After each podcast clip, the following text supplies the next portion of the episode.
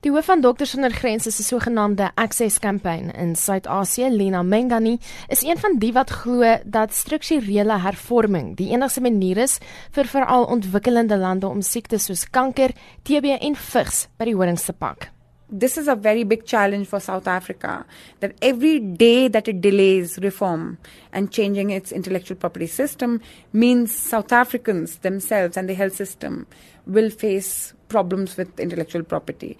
Now, cancer is such a stark reminder of the problem of spiraling drug prices because the average cost of a new cancer therapy is about $100,000 per patient per year. And none of us in developing countries can pay that. So, some of the drugs that are off patent in India, South Africans come over or ask their friends to carry, and they manage to get treatment. Mengani woon in New Delhi, Indië.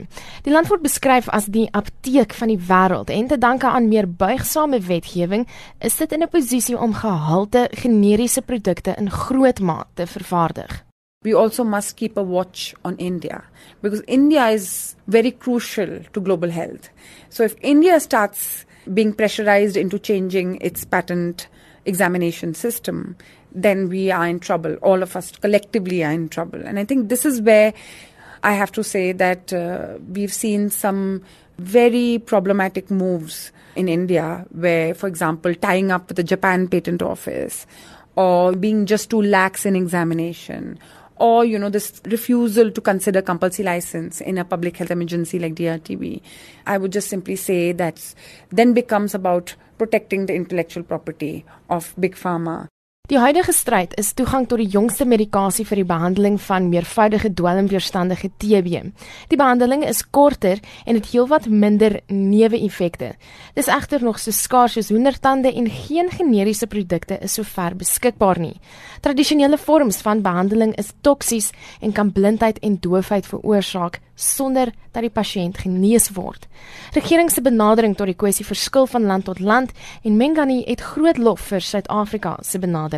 When South Africa decided to make bedaquiline uh, a core drug in all DRTB regimens and then subsequently followed up with Delamanid becoming available for children and for adults who need them it's sort of played an inspirational role for all of us here because in the city of Mumbai, for example, people struggle on a daily basis to get these drugs.